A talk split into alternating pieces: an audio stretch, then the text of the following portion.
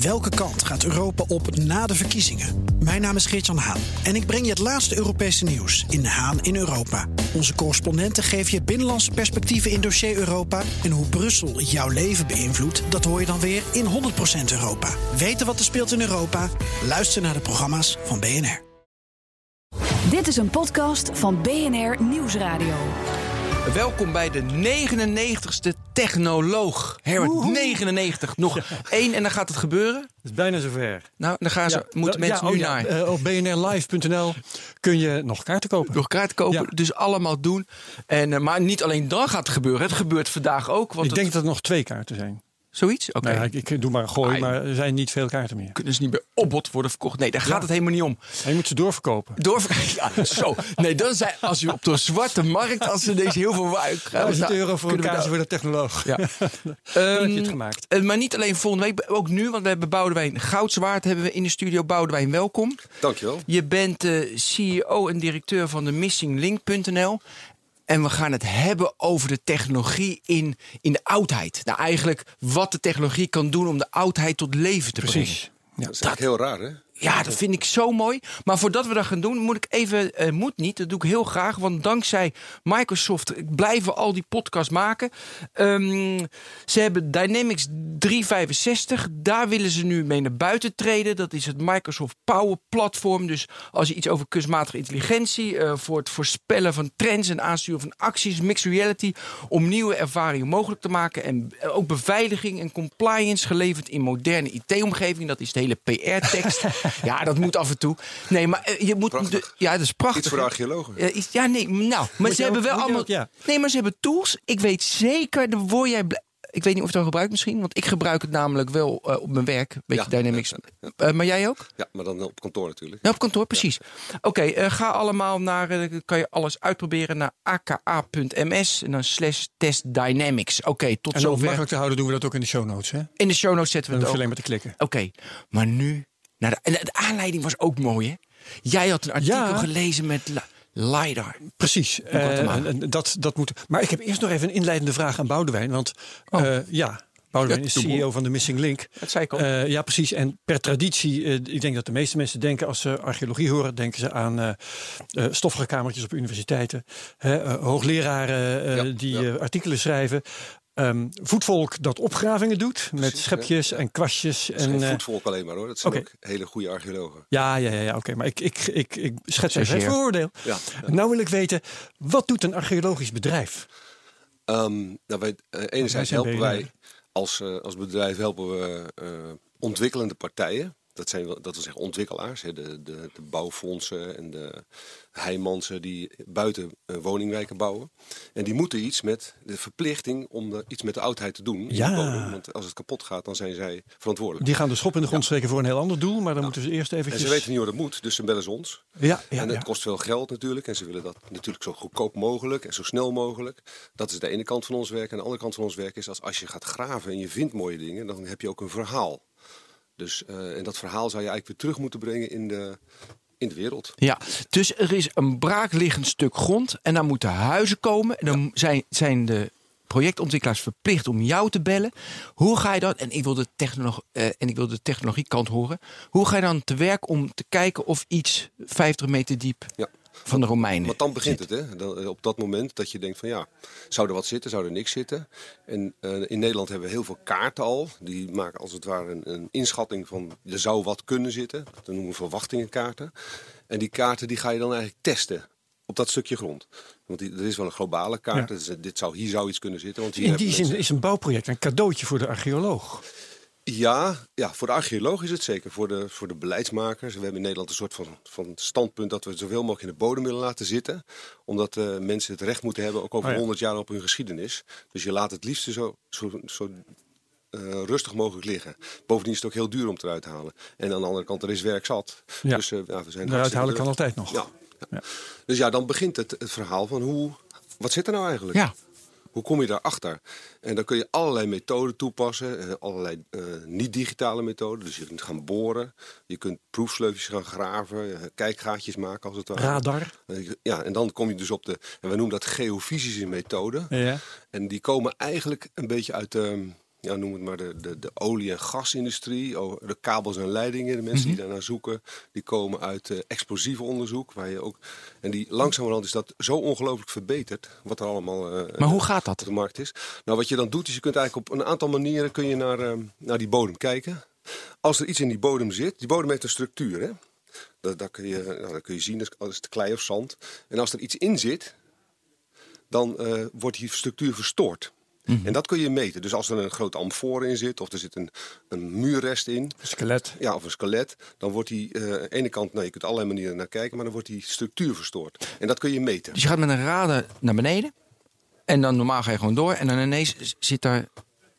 Ja, je een, gaat, eh, ja, je gaat, een radar is een van de dingen, maar er zijn eigenlijk drie manieren waarop je, je kunt kijken: is de, de geleiding van de grond veranderd? Een beetje- Elektrisch. Het wordt een beetje technisch hè, nu. Nee, Maar- ja, dat is de technoloog. Ja, precies. Kom maar op. Nou, je kunt eigenlijk op een aantal manieren kijken. De, het aardmagnetisch veld, de aarde heeft een magnetisme. Ja. En dat wordt verstoord doordat er een muurrest in zit. Het klinkt eraan, maar het is wel zo. Daardoor wordt het aardmagnetisch veld verstoord. Dat kun je meten. Je kunt de weerstand van de bodem meten, elektrisch.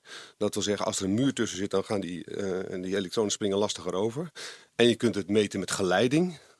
Dat wil zeggen, als het natter is of als, het, eh, als er een sloot heeft gelegen vroeger, dan is het natter. En dan wordt, geleidt het beter. Dus allerlei manieren, weerstand, geleiding, eh, eh, noem maar op, die, ik net- die ik net aangaf, kun je meten. En dat laat je dan zien via de computer. Als het beter geleidt, maak je een ander kleurtje. Ja. En als het minder geleid, geeft je dan. Dus je krijgt eigenlijk een kleurenkaart. Een hele mooie karelappel krijg je daaruit. Met allemaal verschillende kleurtjes. En die kleurtjes die kun je achter elkaar aanzetten en interpreteren. En dan betekent het dus dat je, als je op één plek steeds dezelfde kleur terugkrijgt, een hogere weerstand, dan zit daar een muur in de grond. Of er ligt een grafveld op allerlei plekken waar die weerstand verstoord is, waar allemaal eh, lijken begraven liggen.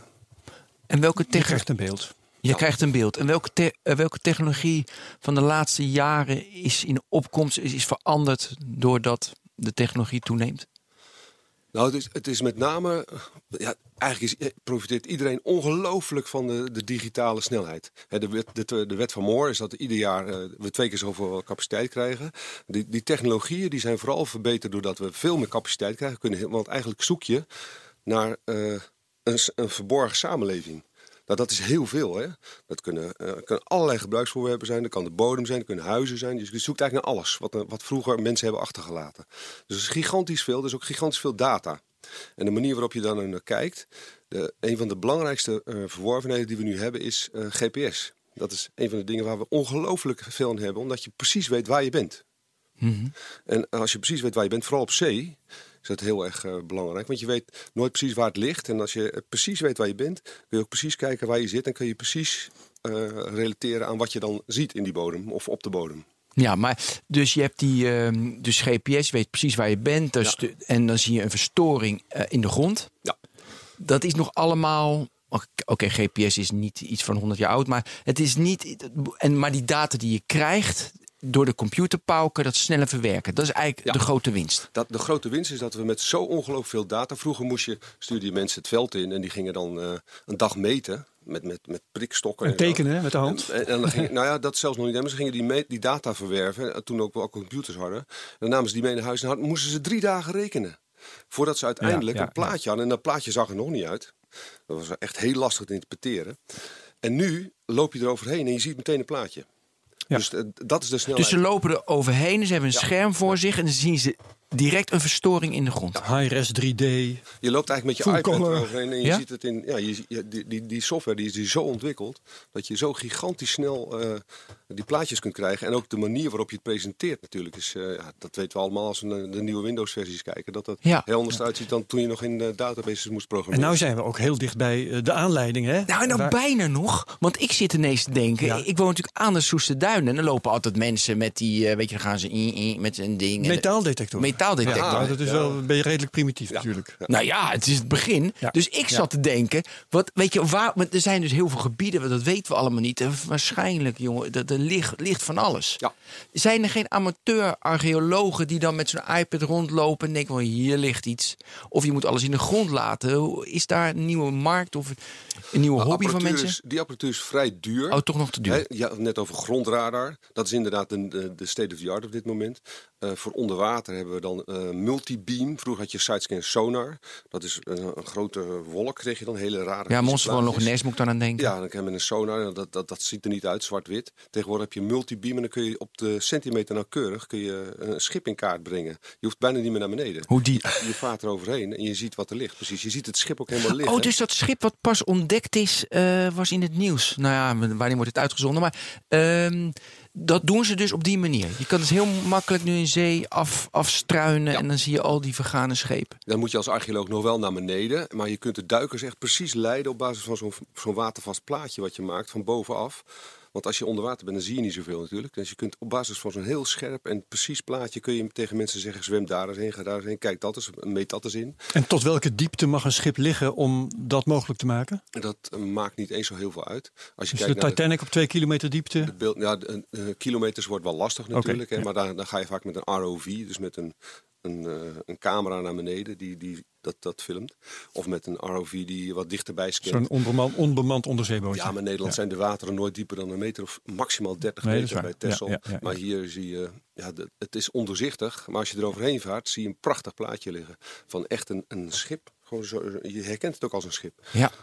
Nee, maar ik zit ook aan te denken, al die nostalgische schepen. Weet je, die, de- eh, dus, eh, dus die Russische boot die gezonken was, waar 30 miljard aan goudstaven in lagen. Maar bleek weer minder te zijn. Dus er is ook heel veel mysterie omheen. Dus ik kan me heel goed voorstellen dat mensen gaan zoeken. Mensen, dus zeg maar amateur. Ja, Mensen. dat, dat, dat was jouw vraag inderdaad. Gaan mensen dan ook zoeken? Nou, de metaaldetectoren is wel een, eh, wel een punt. En Heel veel mensen, ook hier in, in Amsterdam, in de bouwputten, gaan ze kijken. Dat is wel streng verboden. Ik wil zeggen, daar heb je vaak last van, denk Ja, ik. dat, is heel vervelend, Ja. omdat je, daarom houden we veel dingen ook een beetje geheim. Want anders is het s'avonds of s'nachts is het weg, verdwenen. Dan halen mensen, ze scheppen het leeg.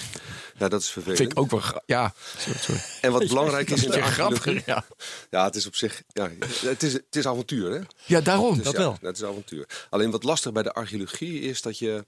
Je bent geen antiquair. Dat is het grote verschil tussen een archeoloog en een antiquair. Een antiquair kijkt naar de spulletjes. Mhm.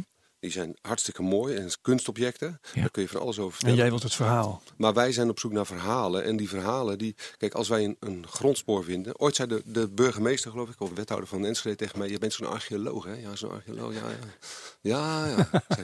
Die zoekt altijd naar sporen van resten van overblijfselen. en toen zei ik. Ja, nee, dan dacht ik, ik zal een beetje corrigeren. Ik zei, nee, mogelijke sporen van overblijfselen. Want zo is het wel vaak. Als je door zo'n opgravingsput heen loopt, dan, eh, ja, dan zie je vlekken. En in die vlekken, dat zijn sporen waar mensen vroeger gaten gegraven hebben. Als jij morgen in je tuin een gat graaft, dan kan ik het over 200 jaar nog zien. Wauw. Omdat je daar gedaan hebt. Of misschien over 500 jaar nog wel. We zien gaten uit van 5000 voor Christus. Dus kijk uit hè, voor je privacy en Ja, zo. is het, precies. eh, ja. Maar dat is... giga- En wat is het even, voordat we echt beginnen. ja, precies. Wat is eh, wa- wat je hebt opgegraven, wat, wat, je, wat uniek is? Wat wat uniek is? Ja, jou, nou je live dan weet ik wel wat Boudewijn gaat zeggen trouwens. Ja, ik niet. Ja? Dus Nou, vertel maar. Nou, we hebben eh er zijn verschillende dingen. Ik ben vroeger onderwaterarcheoloog geweest. Vandaar dat ik over die onderwaterarcheologie ook wel eh, eh, een mening heb. Of een manier waarop we daarmee omgaan. Maar ik heb ooit in mijn leven een Romeinse brug opgegraven. Daar is Herbert nog bij betrokken geweest. Eh, Als journalist. als hoor, niet journalist. ja. ja. Ja, niet als, als deelnemer. Nee. Eh, dat was heel erg mooi. Waar? ik heb ooit eh, in, bij Kuik in de Maas, eh, bij- vlakbij Nijmegen. En we hebben, ik heb ooit onder water een, een, een scheepsman timmerkist gevonden. Ja? Van uit 15 of 1680.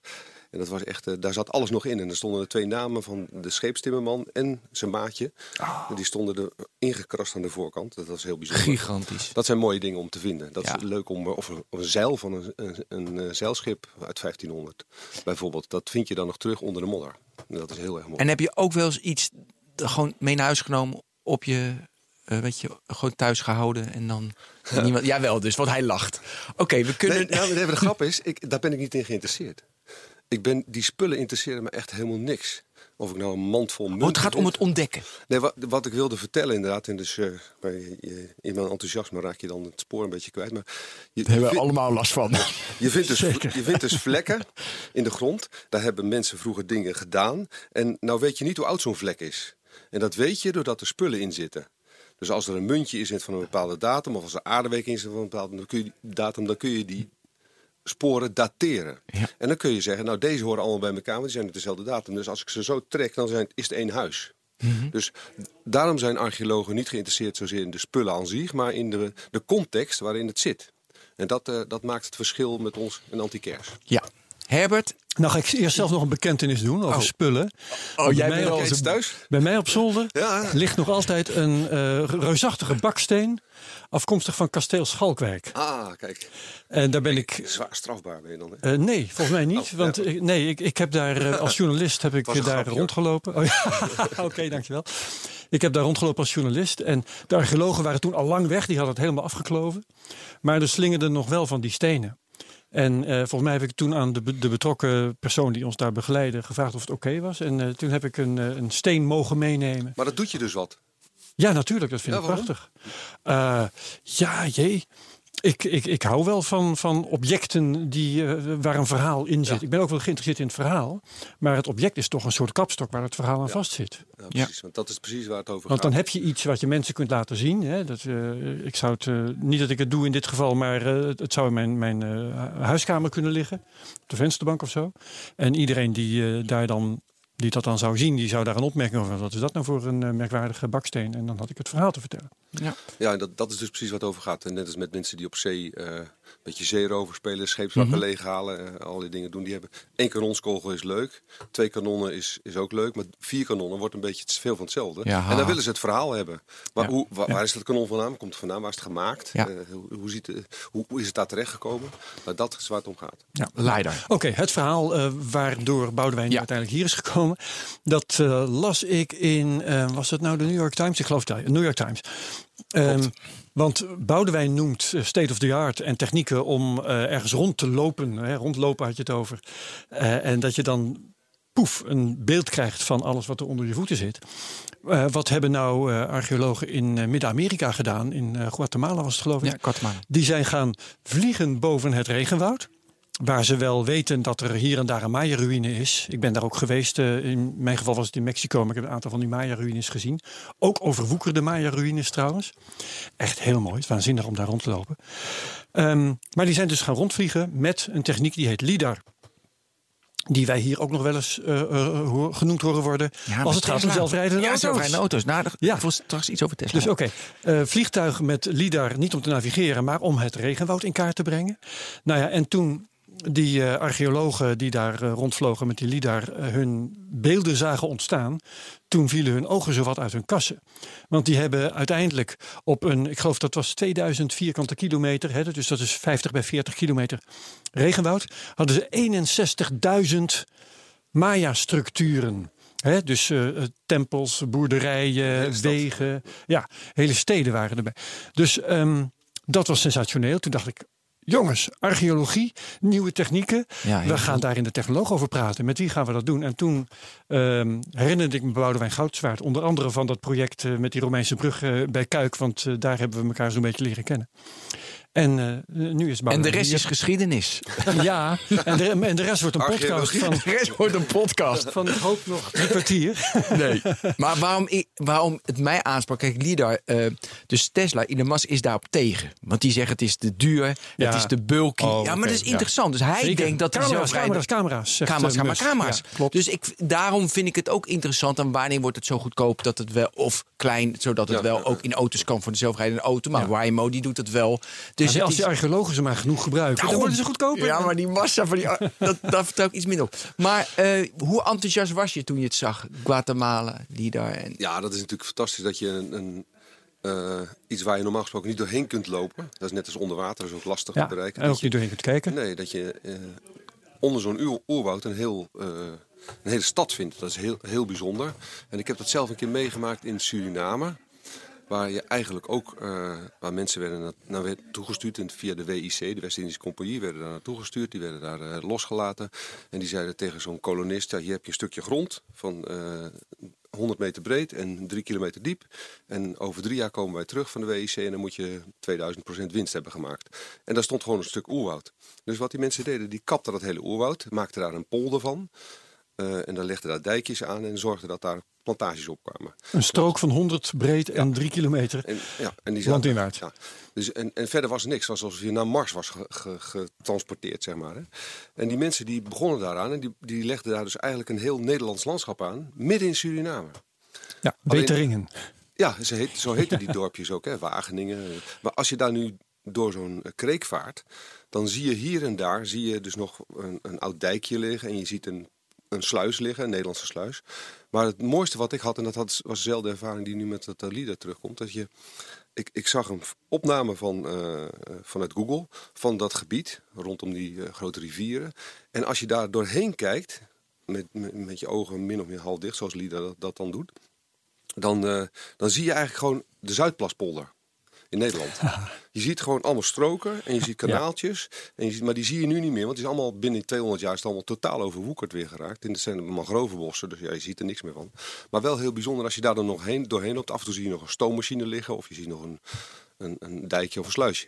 Ja. Dus dat is een beetje hetzelfde effect, eh, maar dan op zijn Nederlands. Ja, ja, ja. Ze hebben daar een keertje ook, uh, ik weet niet of het die, die plek was, maar in Suriname ergens, midden in het oerwoud, uh, volkomen overwoekerd, hebben ze opeens een locomotief gevonden. Ja, die stond daar gewoon middenin. Ja. ja. Mooi. En dat is een beetje wat je op die, in die Maya-steden ook ziet. En het, het mooie van deze techniek, techniek is, we gebruiken hem nu ook met, met uh, drones, hè, want je, moet, je hebt een drone nodig. Oh ja. Ja. Ook in Nederland. Uh, want vroeger moesten we een luchtballonnetje oplaten boven een opgraving. Maar nu laat je gewoon je drone even rondvliegen.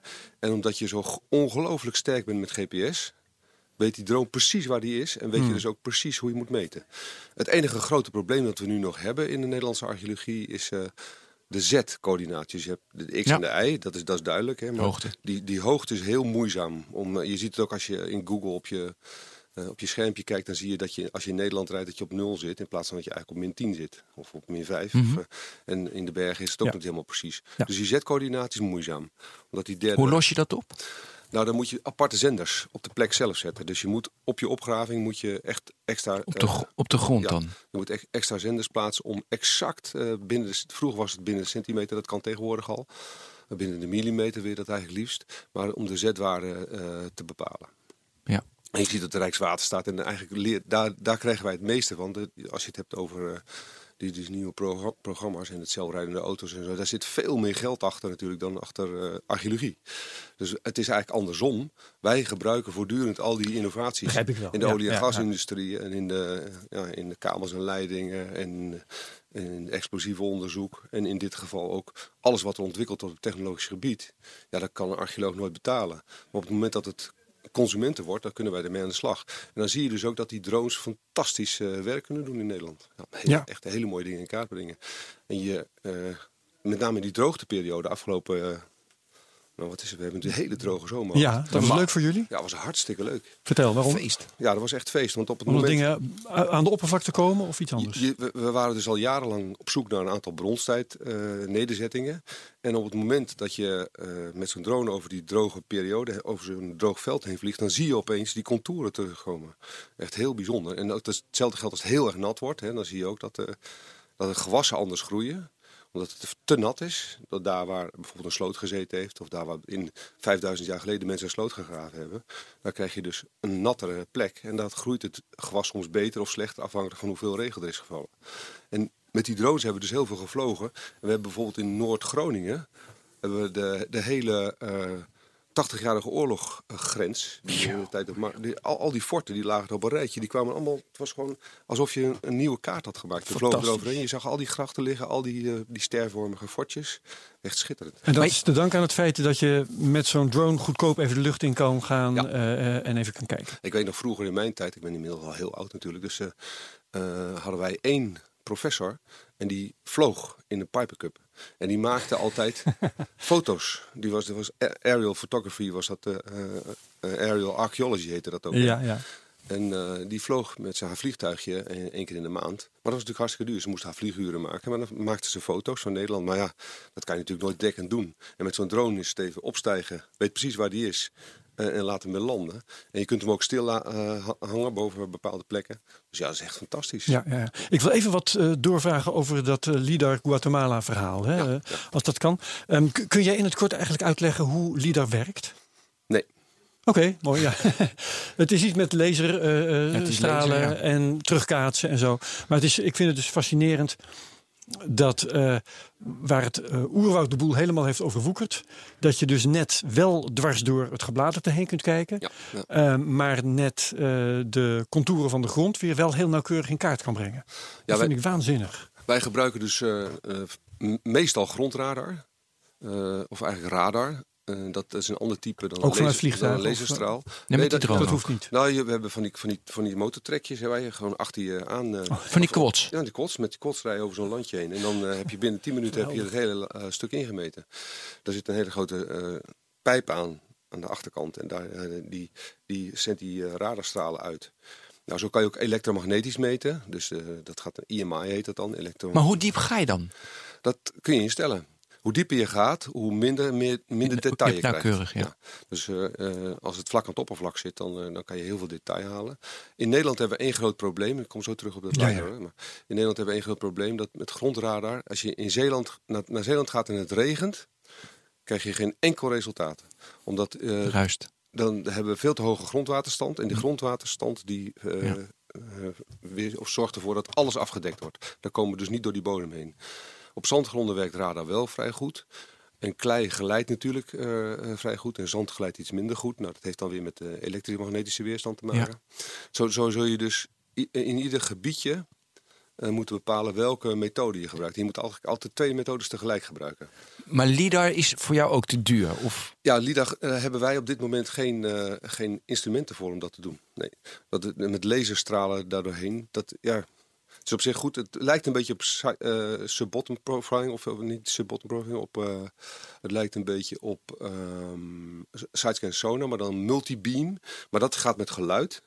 Die, die stuurt geluidjes naar de bodem en die weerkaatsen weer. Daardoor krijg je hele precieze plaatjes, hè, zoals je hier voor je ziet. Kijken. Dit, dit soort plaatjes. ja. Dit soort plaatjes, kijk. Met een sonar. Maar is dat de bodem? Dit is een, dit is een scheepswrak. Hè? Ja, oké, de ziet bodem hier en scheepswrak. Een soort foto, fotootje van de bodem, alleen die is gemaakt met geluid. Ja. Dus eh, daar waar er hout zit, wisp uh, weerkaatsie harder. Staan daar die ook online, eh, deze Nee, die kunnen we wel afbeeldingen? even online Ja, zetten. alles in de show notes. Dus hier zie je een scheepswrak. Je denkt, dit, dit is vies. Hè? Hij is er van de zijkant tegen aangekeken. Dus die scheep, dat scheep wordt heel hoog ook. Maar als je dan precies met sub-bottom profiling gaat kijken... dan moet je eens kijken hoe zo'n... dan krijg je bijna fotografische opname van zo'n schip. Met, met die spantjes, die, die zie je precies zo staan. Dus, dus hier, dat is sub-bottom profiling. Daar ga je eigenlijk met geluid naar beneden. Maar met heel veel eh, eh, straaltjes per vierkante meter. Dus echt eh, duizenden per vierkante meter. En met sonar doe je het eigenlijk maar één per vierkante meter bij wijze van spreken. Dus dan krijg je veel minder goede de- gedetailleerde opname. Dus onder water doen we het met geluid. Eh, boven water zou je dat dus met laser kunnen doen. En dat heb je natuurlijk ook nodig voor je mobiliteit. Als je precies wil weten waar een voetganger loopt, heb je dat nodig. Dan is radar niet goed genoeg. Dat begrijp ik. Ja, Ja, Hey, ehm, maar goed, 61.000 structuren ontdekt daar in dat eh, oerwoud. Ja. Ehm, wat, wat, eh, al- alleen al dankzij dat onderzoek, hè, dat, dat feit en, en eh, de dingen die. wat weten we nu over die Maya's wat we eerder niet wisten? Nou, wat, je, wat je ziet bij dit soort constructies over het algemeen, dat geldt ook voor Romeinse tempels, dat geldt ook voor alle archeologische dingen die nog overgebleven zijn. Hè. Als je in, in Rome loopt of in Nîmes, waar een amfitheater staat, dan is alles eromheen, of het dan overbouwd is of niet, maar, of overgroeid, dat is meestal niet meer onderdeel van die tempel. Je ziet dat ding staan als een soort van monument. En iedereen denkt, nou, de Romeinen zullen hier wel geweest zijn, of eh, de Maya's hebben hier Ja. gewoond. Dus die tempel die is wel bewaard gebleven, maar alles wat er omheen ligt en hoe die tempel daar gebouwd De is. woonhuisjes Ja, en, en eh, ja. welke mensen daar nou de eigenlijk bij gehoord hebben, die is meestal verdwenen. Want dat was niet belangrijk genoeg, dat bewaring, dat is geen, geen monument. En daarom is het zo ontzettend leuk dat je, nou, het- laatst in Vietnam is er ook weer zo'n ding gevonden waarbij je eh, je afvraagt, als je zoiets bouwt bijvoorbeeld in, laten we zeggen, 50 jaar de tijd dat eh, zo'n keizer of een koning regeerde, eh, moest hij ook vanaf zijn eerste jaar moest dat ding meteen gebouwd worden. Want anders waren ze te laat Te als het klaar was. Hè? Als dat zijn graftombe werd, net als een piramide. dus ze moesten meteen bedenken, hij is geboren, dus we moeten aan de slag met zijn graf. Dus, ehm, maar dan heb je dus een ongelooflijke georganiseerde samenleving nodig om eh, Ja. iedere dag eh, per uur 50 van die stenen daar naartoe te brengen. En kanalen en een hele eh, arbeiderswijk eromheen. En dat is wat je eigenlijk nu terugvindt rondom dit soort grote complexen. Hoe is dat er eigenlijk tot stand gekomen? Er waren dus enorme werklegers en, en, eh, van, van mensen die heel goed hiërarchisch georganiseerd waren. Met een hoofdman en daar weer een hoofdman boven. En daar weer een, eh, een, eh, een leider boven. En die, die woonden allemaal in, die- om, om dat gebied heen. En dat zie je nu terug wat je eerst niet Ja, ik- kon zien. Bij, bij deze Maya's eh, is een deel daarvan maar een, eh, eh, ten dienste gestaan, heeft ten dienste gestaan van die, van die tempels. Maar daar was het centrum, eigenlijk het, het religieuze centrum van, het, van de stad. Terwijl op andere plekken wordt er een tempel neergezet, die wordt dan ver weg gebouwd en dan wordt er een heel arbeidersdorp omheen gebouwd. Dat zie je bij de piramides ook. Die arbeidersdorpen, daar doen we nu onderzoek naar. Want het is eigenlijk best interessant om te weten hoe die mensen zich eigenlijk hebben, hoe hebben die eigenlijk geleefd. Ja. Daar waren er duizenden. En uh, ja, daar weten wij eigenlijk weinig van. Alleen van, de, van Geops weten we iets. eigenlijk een molensteen om de nek van een samenleving. Eh, al, al, al die mankracht die wordt ingezet voor ja, een, een graftombe. Maar dat is wel de kracht van de mensheid. Ja, dan gaan we het wat meer filosofisch maken natuurlijk. Mag wel even. Ja? Nou, de, de, de, de kracht van de mens is dat ze kunnen geloven in, uh, laten we maar zeggen, intersubjectieve waarden. Dat wij met z'n allen iets afspreken. Dat we de koning belangrijk vinden of dat we geld belangrijk vinden. En daardoor kunnen we goed samenwerken. Of het waar is of niet, is heel iets anders. ja, een gezamenlijk ideaal. Dus uh, meneer Harari heeft Harari een boek is het eerste boekje. Ja. Staat dit. Dat, Ja, dat- ja, ja, ja. nou, als, als jij een aap bent en, eh, en ik ben een mens en ik heb een briefje van 100 en jij een aap en een banaan, dan zou jij als aap nooit die banaan aan mij geven. Eh, Maar wij- ik heb een intersubjectieve wa- subjectieve waarde. Ik weet dat dat briefje van 100 veel meer waard is dan één banaan. Dus, en daardoor kan ik goed Ja. met andere mensen samenwerken. En dat is ook de kracht van zo'n tempel. ja. Wat je doet is je creëert een centraal punt waar alle mensen bij elkaar komen en gaan samenwerken. Uh, neemt volgens jou door de digitalisering die, die waarde, die gezamenlijke waarde toe? onderwerp, ja. Dat was- was nee, maar, nee, maar dus, ik, de, dus de, in de verbinding. Neemt dat toe of af? De digitalisering. Nee, neemt door de digitalisering, doordat heel veel technologie ons, nou, over ons heen wordt gestrooid, neemt daardoor die intersubjectieve waarde, neemt dat toe?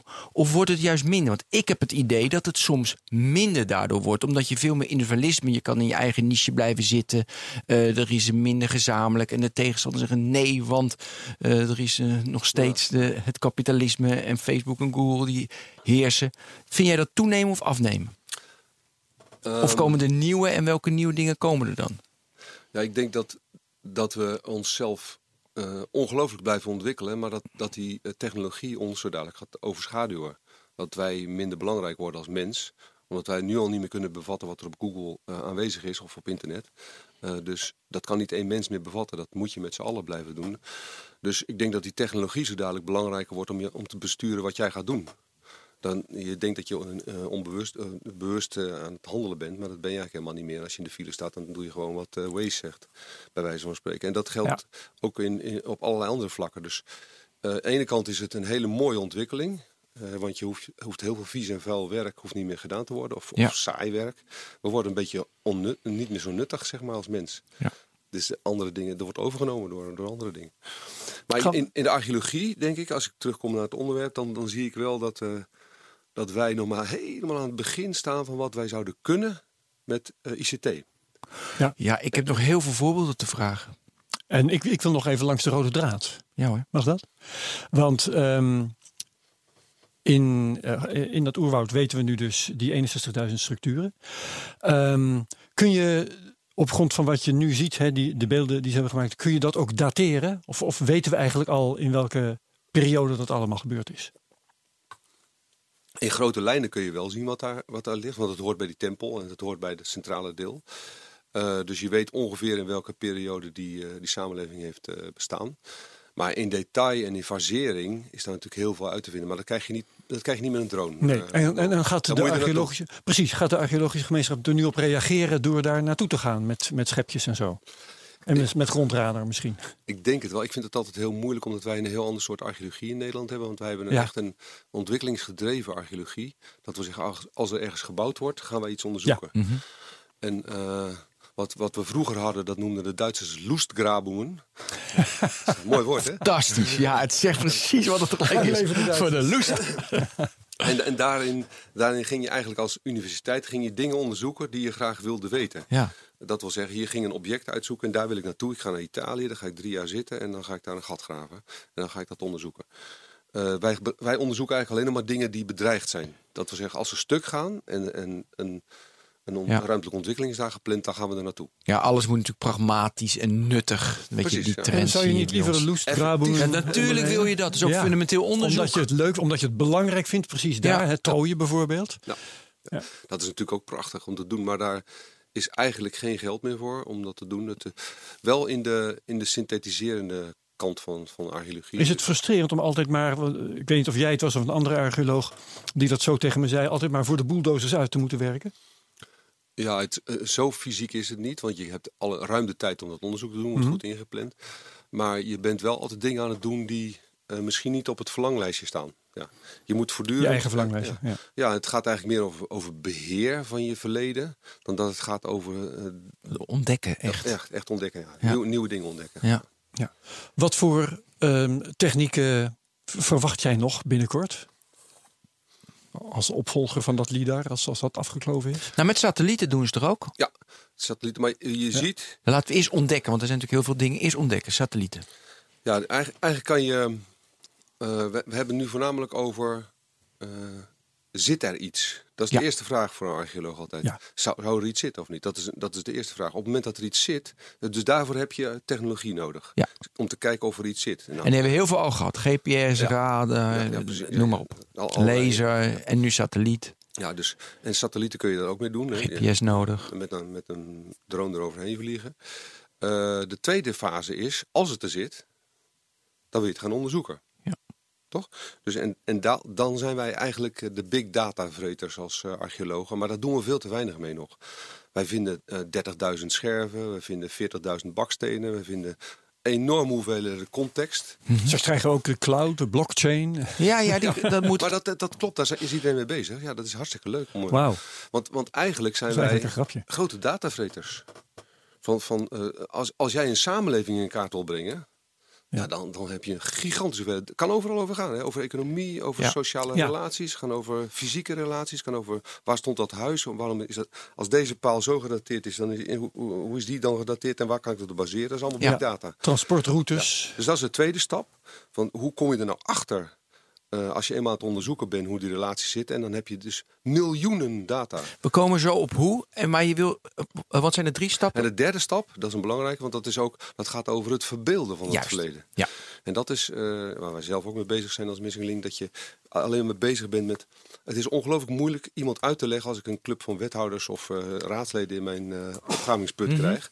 Ja. Dan, eh, dan lopen die over zo'n vlak en die denken, ja, sporen van resten en overblijfselen. En misschien mogelijke sporen van resten en overblijfselen. Maar ik zie, voor mij zijn het alleen maar vieze vlekken. Ja. Ja. En hoe krijg je nou bij die mensen in hun hoofd hoe dat daaruit zag? Dat kun- kan ik doen door het persoonlijk te vertellen. Kijk, daar stond dat en als je die aan elkaar zet, dan wordt dat huis. Maar wat we proberen te doen is steeds meer met eh, virtual reality dingen Ja, te doen. ja. Maar ook, ook eh, al die, die plaatjes en afbeeldingen, die moeten verspreid worden. Mensen moeten daarbij kunnen. Dus het gaat digitaal, het gaat virtueel. Ja. En met, met allerlei overlays. En dat betekent dus dat je mensen moet laten zien, kijk, dit is het fotootje van Amsterdam in 2018. Dit is het fotootje van Amsterdam in, 2030, oh, in, 2000 in 1930. Ja. Overvloeier. Ja, en Ja. Die, ja, die, die apps die, die bouwen we. En dat is leuk als je dan terug kunt gaan. naar- En dit is het fotootje van Amsterdam in 5000 voor Christus. Ja, maar dat verbeelden wil ik straks, want ik wil eerst bij. eh, ik wil eerst nog bij het tweede punt, want we hebben dat ontdekken wel gehad. Hè, met, de- Ja, ja, ja. Dus het tweede punt is, eh, je zegt heel veel data en ik, ik moet even, ik ben eh Helene Wilbrink, zij is van ancient.org, heel dankbaar, want zij stuurde allemaal linkjes. Nou, man is een trouwe luisteraar van de technoloog. Kijk. Zo komt, hij komt ook bij de honderdste. Hulde. Dus ik Ja. wil Helene wil ik even bedanken voor die linkjes. Maar zij stuurde me bijvoorbeeld een linkje met eh, in Pompeii. ehm, in één keer as eroverheen. En dan gingen ze met een CT-scan gingen, gingen ze kijken wat daarop stond. Kan je dat uitleggen? Ik vond het geweldig toen ik dat artikel las. Wat doen ze met CT-scans als... Dat kun je dus heel erg op detail doen met CT-scans. Je kunt kijken naar de mensen die omgekomen zijn. Maar dat, meestal zijn dat, eh, eh, hebben ze gipsafdrukken van gemaakt. Ja. Want die, die mensen zitten er niet meer in. Maar Ja. er zijn nog wel holtes in. Die, Ja, helemaal verwrongen lichamen. Ja, en dat, die kun je volgieten. En dat heeft ooit iemand bedacht in 1940, 30 geloof ik.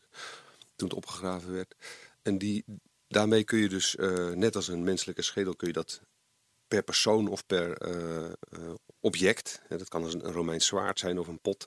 Kun je die... eh, In laagjes, In in, die plakjes, CT's, ja. in plakjes. Ja, kun je- en dan bouwen ze hem opnieuw op. En dan bouw je hem opnieuw op. Ja. Je kunt het ook in, op een veel grotere schaal doen. En dan is het bijna archeologie. Want eigenlijk als je een, een menselijke schedel door, eh, in, in een CT-scan scan doorsnijdt.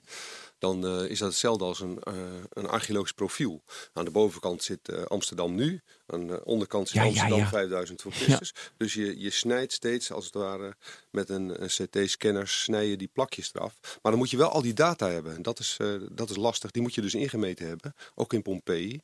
Je moet weten wat er allemaal in gevonden is. En dan kun je al die lagen met elkaar gaan verbinden. Dat je zegt, dit zijn twee lagen, maar misschien, hé, hey, dat was eigenlijk één laag. Dat hoort bij elkaar. We zien het als twee lagen, maar of deze is twintig minuten later naar de uitbarsting uh, gekomen. Omdat je daar net weer andere spullen in vindt, of net een andere... Dus je kunt daar met, met zo'n CT-benadering, Mhm. de lage benadering eigenlijk, kun je...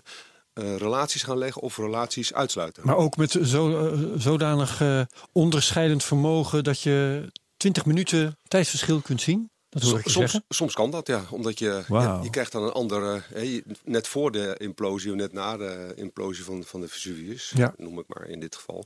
Zou dat kunnen, zou je, dan heb je het over 20 minuten. Kun je bijna een animatie maken van hoe het gegaan is. En dat is een beetje... d- Dit is wel heel bijzonder, want dat heb je op de meeste vindplaatsen niet natuurlijk. Want daar, Ja, dat als je is waar. 5000 voor Christus eh, zit, dan weet je dat die bomen gekapt zijn in 3120 voor Christus. In het voorjaar, maar meer weet je niet. Dat, dan weet je dat die, dat huis daarvan gemaakt is, van die bomen. Dat weet je dan van ja, eh, jaringen Ja, eh, technieken. Precies, hè? dat, je per jaar of per voorjaar op z'n hoogst, niet in 20 minuten. Ja, nee, nee, nee, nee. Maar, maar inderdaad, op die manier kun je echt het eh, exacte jaar berekenen dat een boom is gekapt. Dat een stuk hout is ontstaan. En daar zit ook ongelooflijk veel ICT weer achter. Omdat dat eigenlijk een methode is, dat gaat over dendrochronologie. Dat is ook een, een digitale methode geworden inmiddels. Die is door biologen bedacht, ook vanwege de klimaatverandering. Eh, hebben ze proberen te achterhalen wanneer bomen beter of slechter groeiden. En hoe dat dan over de hele wereld verspreid was. Ehm, wat we daar met, als archeologen doen, dat heet dendrochronologie. Dat is eigenlijk de boomtijdmeetkunde. Eh, dendrochronologie. Eh, en daarin maak je van, zaag je een boom door midden. En maak je van die boom eigenlijk een soort streepjescode. Want er zitten allemaal jaarringetjes in, Ja. in die bomen. En je weet natuurlijk, die boom, nou, als die bij jou in de voortuin staat en je kapt hem. Dan weet je, eh, als je hem doorsnijdt en je gaat terugtellen, je kapt hem in 2018. En je gaat terugtellen, hij is 300 jaar oud. Dan weet je dus dat hij in 1700, 18 eh, eh, begonnen is met groeien. Dat is de kern. Nou, dan, maar dan weet je nog niet hoe al het andere hout is wat je vindt in, op een opgraving. Dus wat ze gedaan hebben is een hele lange lineaal gemaakt eigenlijk van al die streepjescodes. Wat je dan doet is je kapt die eerste boom in je tuin en dan weet je ik kan terug tot eh, 1718. ja. Dan zet ik er nog eens een keer een, vind ik een ander stuk hout. Dat eh, overlapt die ene boom, dus die, die is met 200 jaar. En die leggen ze eroverheen. Je vindt een oude stuk hout als een boerderij, een spand van een boerderij. En dan kan je misschien wel terug tot 1500 omdat daar een nog oudere boom in zit. Maar die overlapt. Hij moet minimaal 40 keer overlappen. Met, met wat je ziet. Om zeker te weten Om dat het te echt weten dat het. eh, want een boom die groeit. Op het moment dat hij groeit en hij voelt zich lekker, maakt hij een hele brede jaring. Of op het moment dat hij slecht eh, in zijn vel zit, dan eh, maakt hij een dun jaringetje. En die opeenvolging van dikke en dunne jaringen, die is typisch voor een bepaalde regio. Ja, want, want in Alle bomen groeien dan ja, hetzelfde. een bepaalde Ja. streek heb je dezelfde effecten op bomen. Ja. En dat zie je Dus, terug. en dan gaat het over, eh, daar hebben we een enorme databank in eh, Nederland of in Europa voor aangelegd, in de hele wereld eigenlijk. Van al die streepjescodes, van al de diktes van die jaringen. En die kun je dus met elkaar vergelijken. En dan kun je, eh, we kunnen nu al tot 5000 voor Christus terugrekenen. Dus als je een stuk hout vindt, eikenhout alleen maar overigens, Oh, ja, alleen maar eikenhout.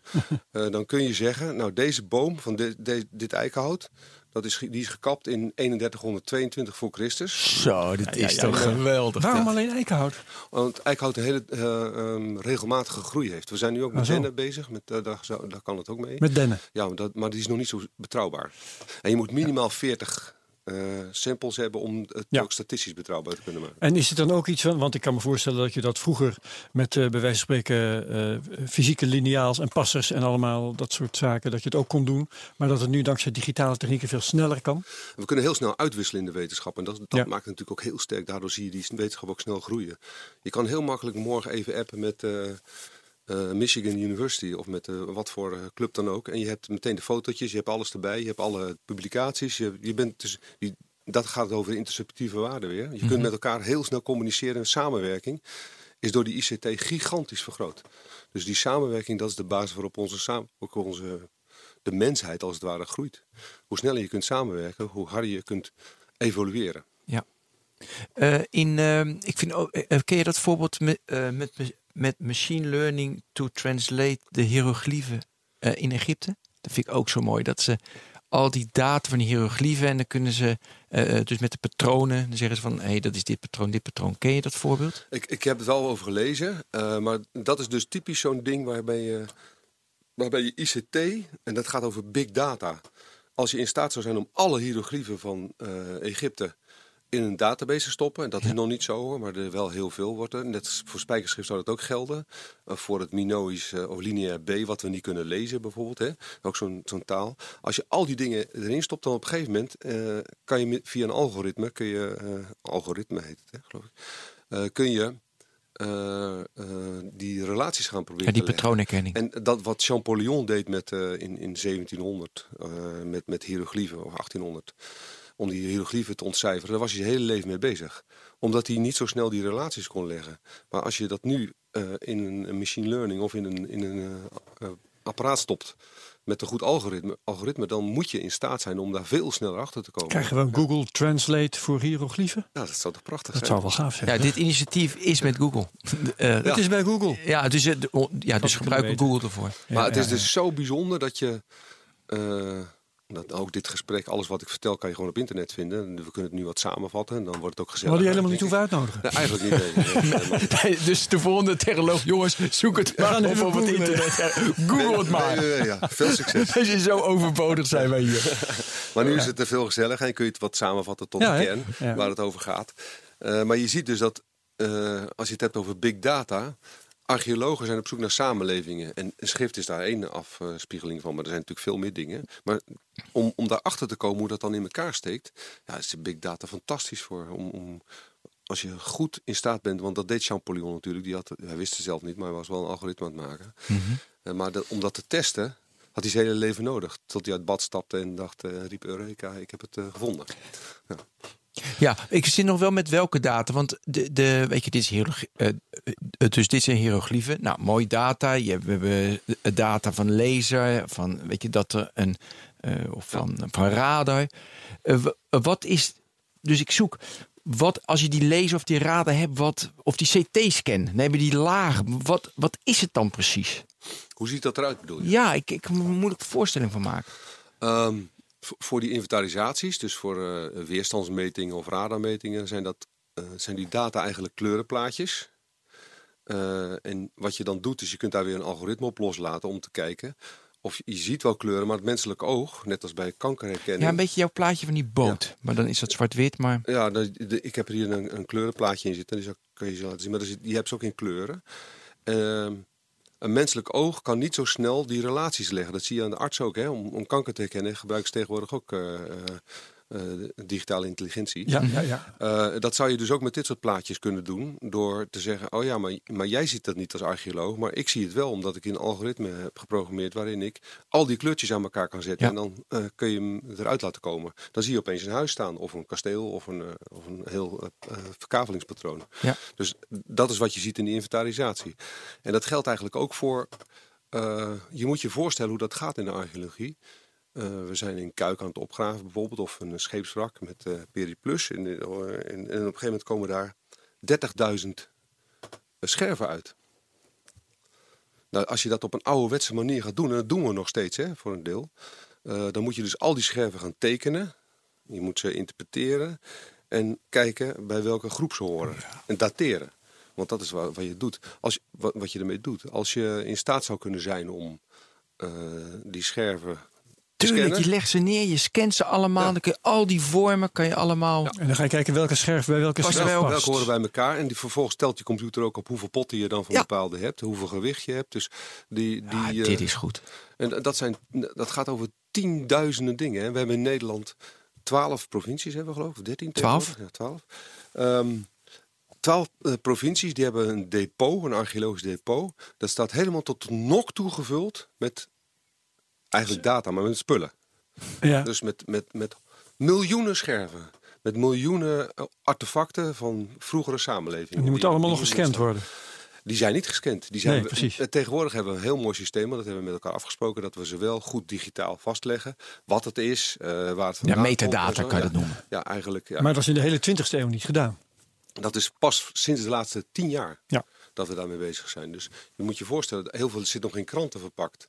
Of zit nog in... Uh, ja, die kranten zijn zelf archeologisch materiaal. Die kranten, ja, die vallen allemaal uit elkaar. Maar dus als je in staat zou kunnen zijn om die, al die depots te digitaliseren op een manier, kun je daar onderzoek gaan doen. Dan is het eigenlijk archeologie, maar dan uh, wat, Ja. er, wat er al opgegraven is. En dan kun je daarmee aan, aan, aan de slag gaan. En daar zijn we nu over aan het nadenken.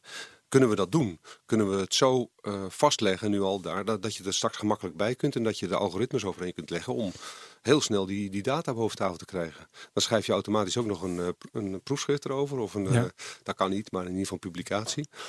Eh, je hebt natuurlijk altijd nog wel een menselijke geest nodig om, te, om je af te vragen wat je dan wilt weten van die Ja, samenleving. dat is, dat is vrij belangrijk. Maar ik, serieus, ik, ik maak daar dan net een grapje over. Maar eh, toen het huis van mijn ouders werd ontruimd, toen vonden wij dus eh, allerlei dozen met materiële dingen die zij bewaard hadden. En soms dan was eh, een of ander ding wat zij van waarde vonden, was verpakt in een krant. En dan propten we dat uit elkaar. Ja, dat oh, dan gooi je een Eemlander uit 1963, moet je kijken. nou ja, dat soort ervaringen hadden we dan. Echt waanzinnig. ja. Maar dat De gaan we lengte ook doen van in de- die, in die ja. depot straks. Hè? Die gaan we allemaal zo opgraven, bij wijze van spreken. Dan Ja. zijn ze al Ja. opgegraven, maar Ja. nog... Er is een beroemd verhaal van eh, eh, professor Bogaars. Dat was de top in Nederland eh, een aantal jaren geleden overleden. In eh, Latijnse inscripties en alles wat daarmee samenhangt. Eh, dus met, met taal. Maar die man overleed. En die had altijd, net als iedere archeoloog, zoiets van... ja, ik heb heel veel informatie, maar ik moet dat altijd nog een keer opschrijven. Eh, dat is, als ik gepensioneerd ben, ga ik een publicatie maken. Maar die man overleed en toen was, zat zijn hele huis vol. Toen hebben de archeologen zijn huis opgegraven. Ja, Want het, er staan allemaal hele mooie dingen die hij nog niet gepubliceerd had. Die lagen daar. Dat zou nu niet meer kunnen. ik hoop dat hij het goed gedocumenteerd had eh, Ja. waar het vandaan kwam en zo. Want Hij anders was, moet je hij dat was heel weer- goed. Mooi. Ja. Zullen we naar verbeelden gaan? Daar heb je net al iets over, maar nu het verbeelden. Ja. Ja, de virtual reality en eh, de, de, de, de, de, eh, de immersive experience. Ja. Ik kreeg dus van Helene Wilbrink een, eh, dus een linkje van Klimt in Parijs. En dan loop je in een schilderij van Klimt. Echt, dat, dan is het hele, de hele omgeving, in, dan loop je in Klimt. Ja, ik vond dat fascinerend om te zien. Dus het wordt steeds de kunst of de cultuur. En dat is natuurlijk niet ancient, maar, want Klimt is natuurlijk nu. Maar de, ik- de- ik vind dat wel, ja, je brengt wel de oudheid tot leven. Ja, Ja. Bou- Boudewijn zei het net zelf ook al, hè? Amsterdam van 5000 voor Christus tot nu. Nou, het- dat, dat is, vinden archeologen heel moeilijk. Dat doen we eigenlijk niet. Nou ja, je moet ook ergens doorheen. Weet je, je moet ook niet blijven hangen in die we- Eh, gewoon, maar, je- maar jouw bedrijf doet het wel. Ja. daarom. Ja, natu- de- Door moet je. Een, een, apart, ehm, een aparte tak van de archeologie is wel om eh, ja, te vertellen wat, je, eh, wat, er eigenlijk in je hoofd zit. Ja. Maar wij vinden dat heel moeilijk. Wij werken vaak in 2D. Dat wil zeggen, je, je hebt plattegronden en je ziet daar van alles op. Maar om nou een bronstijdhuis te reconstrueren, hoe zag dat er dan uit? Je moet uitkijken dat je het dan niet een beetje... Maar v- vinden archeologen dat niet zo interessant? Of, of is het eh, een traditie die dateert uit de vorige eeuw... toen je nog geen 3D-voorstellingen kon maken... en die nog moet eh, eh, eh, slijten? Ik denk dat we het wel heel interessant vinden, want wij, vinden, wij, wij hebben ook fascinatie voor ons vak. We vinden het hartstikke leuk om je voor te kunnen stellen dat Ja, je... het verbeelden, verbeelden hoe je het letterlijk door- noemt. Door Archeon loop je heen, hè? Of je loopt door Maar, maar de vraag van. Herbert, waarom niet? Ja, nou ik denk dat dat deels komt omdat we dat inderdaad niet konden. Eh, je moet dan van die isometrische tekeningen gaan maken en archeologen waren daar niet zo goed in. En het andere lastige is het wetenschappelijk achtige. Ja, ze zijn te bang dat Ja. ze voor Disney worden uitgemaakt. Ja, dat- in de politiek zouden ze zeggen dat zijn uw woorden. Maar, eh, Nou, nee, maar- dit- dat, kan- dit is wel een beetje waar dat je, eh, je kan er ook heel snel op afgerekend worden. Als jij zegt een, een was 2,50 meter hoog, dan zit de andere archeoloog nee, dat was 2,75. Ah, joh, ik vind prima al is je 2,60 meter. Dat, dat is namelijk niet de kern. Maar, maar, ja, maar dat is wel onze re- de reconstructie van het Ja. verleden. Ja, is een heel precies. eh dan moet je wel op feiten kunnen baseren. En die, die feiten. Correct, volledig eh, en, en nog iets, hè? Ja. Keurig Herbert. Gaan we door. Oké, maar daar ben jij vanaf gestapt. Eh, Ja, wat wij hebben gedaan is. ehm, eh, en eigenlijk is het een beetje het verhaaltje van eh, mijzelf met mijn vrouw en mijn kinderen op vakantie. Dat ik zei tegen mijn kinderen: Ik ben archeoloog. Je kunt je voorstellen hoe die vakanties af en toe zijn. In de die kinderen vonden het in het begin verschrikkelijk. Maar nu vinden ze het prachtig. Dus dan zei ik, jongens, we gaan eh, vandaag daar en daar naartoe. En dan eh, zei de familie, we gaan toch niet meer naar die oude hete stenen. Letterlijk een tekst van mijn dochter op, op China. Nee, weer niet een dag stenen kijken. Mijn vader was theoloog. We hebben de kerk Ja, in de de kerk, kerk, ja. uitgesleept. Ja. Oh, Alle iedereen- frustraties komen naar boven. Ja. Dus, dus toen dacht ik, ja, maar er moet toch een manier zijn om. Want eh, als, ik, als ik er dan naartoe ga en we deden het toch, want ik was dan wel zo eigenwijs, dan gingen we naar een, eh, een amfitheater of naar een, een eh, Romeinse. Eh, eh, sportschool of wat dan ook, waar, die, waarvan je nog stukjes zag. Tenminste, ik zag dat dan, hè. zij niet natuurlijk. En als ik dan vertelde, ja kijk, als je die steen op die zet en dan zie je daar is het uh, caldarium en daar is het, uh, het tepidarium en daar is het, daar is het sportveldje en zo. Dan, en ik vertelde daarbij, dan, dan konden ze nog wel anderhalve minuut luisteren. Ja. En dat is dan, dan is al heel wat. Dus toen dacht ik van dit moet ook een andere manier zijn. Want ze zitten natuurlijk de hele dag niet voor niks met hun, hun neus in die telefoon. Dus uh, toen ben ik het uh, product Time Travel gaan ontwikkelen. En Time Travel is eigenlijk een, door je telefoon of door je iPad heen kijk je als het ware naar een, een, een gebied, 5000 voor Christus. Oh, okay. Dit ja, is ja. Dalsen. En met uh, Kijk, hoe noemt het, de accelerometer kun je echt gewoon uh, dat, je het iPad bewegen en dan Ja. verandert je dat perspectief. dus in 3D nagebouwd, die, die, dat landschap. Is dit 5000 jaar geleden? Ja, dit is, dit is Dalsen. En er was echt 5000 helemaal niks daar. Nee, Bloemen? een aantal grafheuvels. Ja, oké. Die, die, die grafheuvels Ja, staan grafheuvels, daar. Ja. ja, ja. Als, Oh, je, ja. als je zwaait met onder aan de onderkant, dan gaat die grafheuvel dicht. Nee, ja, nee andersom. Oh. Dan, maar in ieder geval, je, wat je daar doet is eigenlijk, dat maakt het interessanter. Heen en weer moet je Ah, swipen. maakt niet uit. Ik vind de user experience eh, is, Dan kijk je dus- ook nog boeiend. Eigenlijk, ja. Dan kijk je als het ware, je kunt dus het, het verleden, hè, je, je kijkt naar het verleden. Dit is eh, 5000 jaar geleden, Ja. lag daar een grafheuvel, hunebed. eh, eh, je kijkt naar het heden. Dan zie je de archeologen ge- eh, graven. Fantastisch. En dat is op die Ja. plek. En ook die plek zie je dan weer terug in het landschap van het, van het verleden.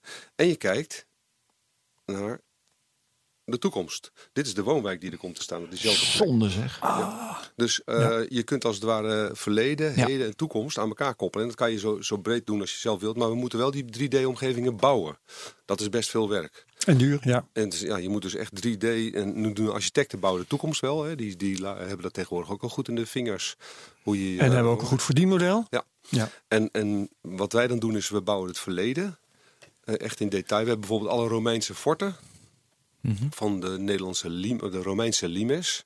Dat is de Romeinse rijksgrens. Die liep langs de Oude Rijn vroeger. Eh, en daar stonden allemaal forten langs. Maar als je daar nu langs fietst in Bodegraven, dan zie je al in een winkelcentrum. Wat wij dan gemaakt hebben is een appje. Dat je kijkt door je telefoon en dan zie je het winkelcentrum. En dan swipe je en dan zie je het Romeinse fort staan. Of je loopt naar binnen. Ja.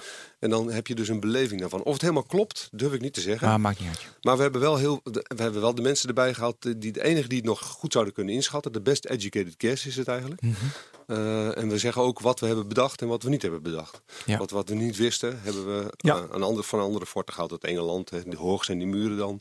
Nou, dat eh, is ongeveer, als we de Saalburg uit Duitsland halen, dan weten we ongeveer dat het zo hoog is geweest. Of in Engeland heb je in Kent forten staan die nog steeds staan. Ja. Bij wijze van spreken. Ik vind het een, weet je, wel, mooi, als je zo vertelt, mooie toepassing van augmented reality. En Fantastisch. ja, fantastisch. En toch zie je het niet zoveel gebruikt worden. Nee. Dus ik zelf doe dat namelijk ook nooit. Weet je, ik pak nooit de, oh, dan ga ik even met augmented reality, ga ik even, denk ja, gedoe, laat die telefoon zitten, ik wil het ervaren hoe het nu is. ja, Weet je, dus dat is in de menselijke, om het te gebruiken, is toch weer een stap. Dat, dat klopt. Eh, je moet al echt een, een, een bijeenkomst organiseren waar je een verhaal vertelt en dat mensen dit erbij kunnen zien. Eh, en dan zijn die plaatjes, ja, die, die geven je wel een bepaald beeld. Het verdienmodel hierachter is ook heel lastig. Ja. Eh, je, je moet echt. Bijna spelelementen met eh, een bedrijfsuitje, weet je, dat, dan gaan mensen het wel Dit doen. is niet iets wat betaald wordt door eh, de projectontwikkelaar die Jawel, die woonwijk aan het ontwikkelen is. Ja, Oh, dat toch door, weer door de projectontwikkelaar, door de gemeente. Of de- bijvoorbeeld al die forten die we nu langs de Romeinse Limes Of winkelcentrum, gebouwd hebben. Die ja. worden door de provincie Ja. gefinancierd en de gemeente samen. Dus eh, dan kunnen wij dat bouwen. Maar even los van het feit wie het betaalt, het moet wel gebruikt worden. Dat Ja. is Ja, precies. Ja. Ja, ja, Nou, maar ik zit te zoeken van. Wat als het gaaf. Maar je gebruikt het niet. Dus en er komt natuurlijk hebben we hier vaak over. Het moet veel makkelijker zijn. En het, weet je, het moet in één keer. Maar stel dat ik een inwoner ben en van Dalfsen.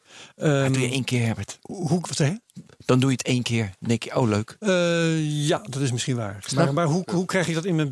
Wordt dan in het plaatselijk advertentieblad eh, verteld dat dit er is of zo? Ik noem Ja. maar een dwarsstraat. Ja, je moet, dat gaat er natuurlijk om wat ze dan in, eh, in, in de business noemen. Zorgen dat je downloads krijgt. Of de, in ieder Ja. geval dat mensen weten dat het er is. Dat Ja. je downloads En krijgt. staat die in de Play Store terugkomen. En Awareness, preference. Ja, je, weet- je weet hoe het werkt met appjes eh, eh, Ja. bouwen. Dat is een moeizaam verdienmodel. Ja. Eh, wat we nu hebben gedaan is met National Geographic samen zijn we nu bezig met een project in Rotterdam. En dat wordt veel meer gekoppeld aan de locatie en veel meer gekoppeld aan eh, toerisme. Wat daar gebeurt. Dus in Rotterdam is natuurlijk een perfecte stad om te laten zien hoe het eruit zag voor het Mhm. bombardement. Ja. En wat er allemaal gebeurd is. En dan zou je, moet je dus op plekjes, eh, op die plekken zelf moet je die beleving kunnen creëren. Soms met een bril. dit kan ook met een bril. Soms met een iPad, soms met een telefoon. Soms is het een vast plaatje. Ja, maar En nee, soms is het ik een... heb- eh, is het Nou, ik wil, ik wil vertellen, het is vaak ook de kwaliteit. Ik was er, ik denk drie weken of vier weken geleden was ik in het Stedelijk Museum. En dan kreeg je een, ehm, een HoloLens op van Microsoft. En eh dan was een kunstwerk dat je door eh, allemaal pilaren... en die, die vielen dan om. Weet je, dat was een enge ervaring. Nou, leuk. Ja, vond je dat wat? Nou, precies. het was het net Nee. niet weer. En vaak zie je, natuurlijk over twintig jaar, weet je, dan, dan zit het in je oog prima. Maar vaak is het is allemaal, ik vind dit nog oefenen, proberen, kijken wat het is. En want het is allemaal nog. mwah. Ik denk dat je gelijk hebt. Het, het mooiste is, en toevallig eh, spraken we met de oud-directeur van het Rijksmuseum. Die is nu in Rotterdam eh, eh, bezig. En die zei, die deed een hele mooie uitspraak. Die, daar, daar hield ik al van. Als wij, wat je moet doen is, je moet uitgaan van de kracht van het oorspronkelijke beeld. Als wij bijvoorbeeld Rotterdam ehm, nabouwen in 1928, dan heb je daar dus heel veel schilderijen van. Ja. En hij zei, die schilderijen, dat beeld, dat moet je proberen te bewaren in, eh, in wat je gaat laten zien. Want mensen zijn, als jij een plaatje van je straat ziet in 1930, dan vind je dat hartstikke leuk. Ja. Denk, hé, hey, dat ziet er zo uit, dat ziet er zo uit. En dat is de kracht van dat beeld. Als je het gaat omzetten naar een realistisch eh, eh, digitaal beeld, dan wordt het minder. Je moet eigenlijk die plaatjes als een kunstwerk beschouwen.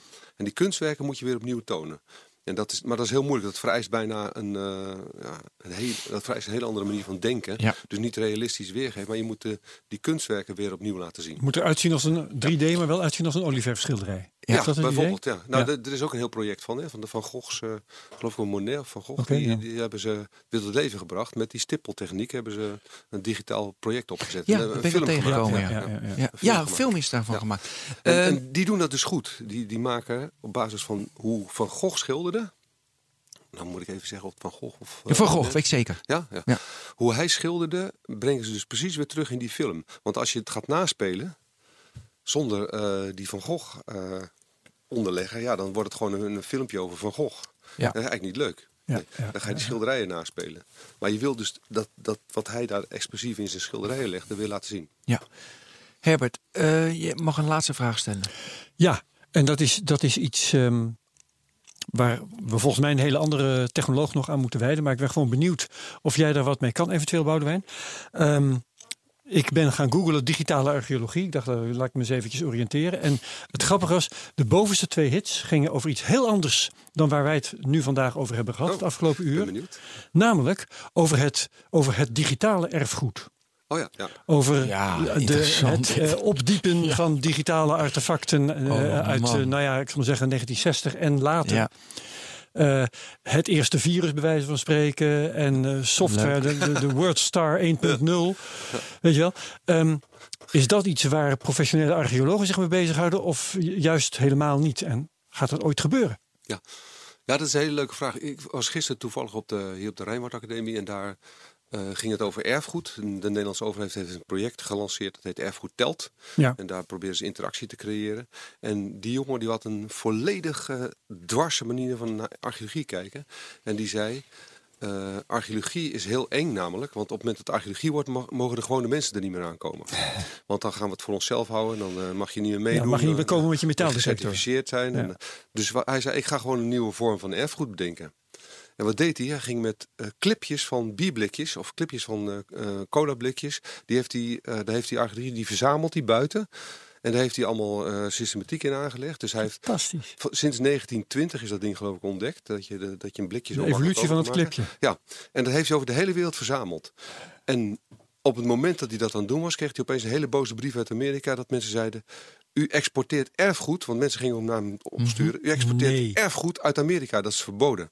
Dus je ziet dat op het moment dat mensen ergens erfgoed gaan gaan maken, dan wordt het ook belangrijk. En dan worden er allemaal regeltjes aangesteld en dan mag je niks meer. Dus dit is een. Toen hadden we het over: moeten we dan nieuwe manieren van erfgoed bedenken? Ja, dat, dat is een hele filosofische discussie. Ja. Maar in ieder geval moet je nieuwe manieren van archeologie bedenken. Ja, ik, dat gebeurt ook voortdurend. We graven nu ook de Tweede Wereldoorlog op.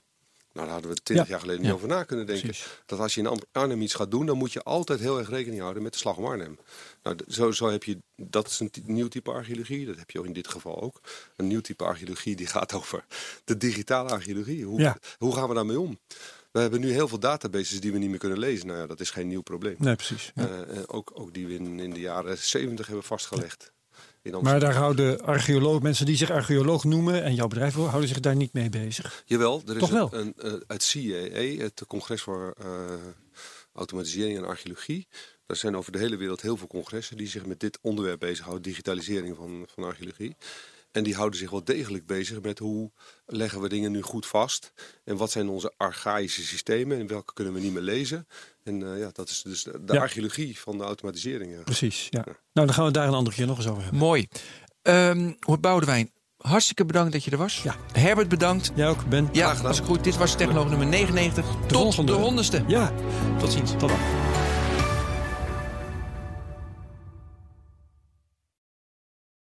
Ook Thomas van Zeil vind je in de BNR-app. Je kunt live naar mij luisteren in Zaken doen, de BNR-app met breaking news, het laatste zakelijke nieuws en je vindt er alle BNR-podcasts, bijvoorbeeld Het Nieuwe Geld. Download nu de gratis BNR-app en blijf scherp.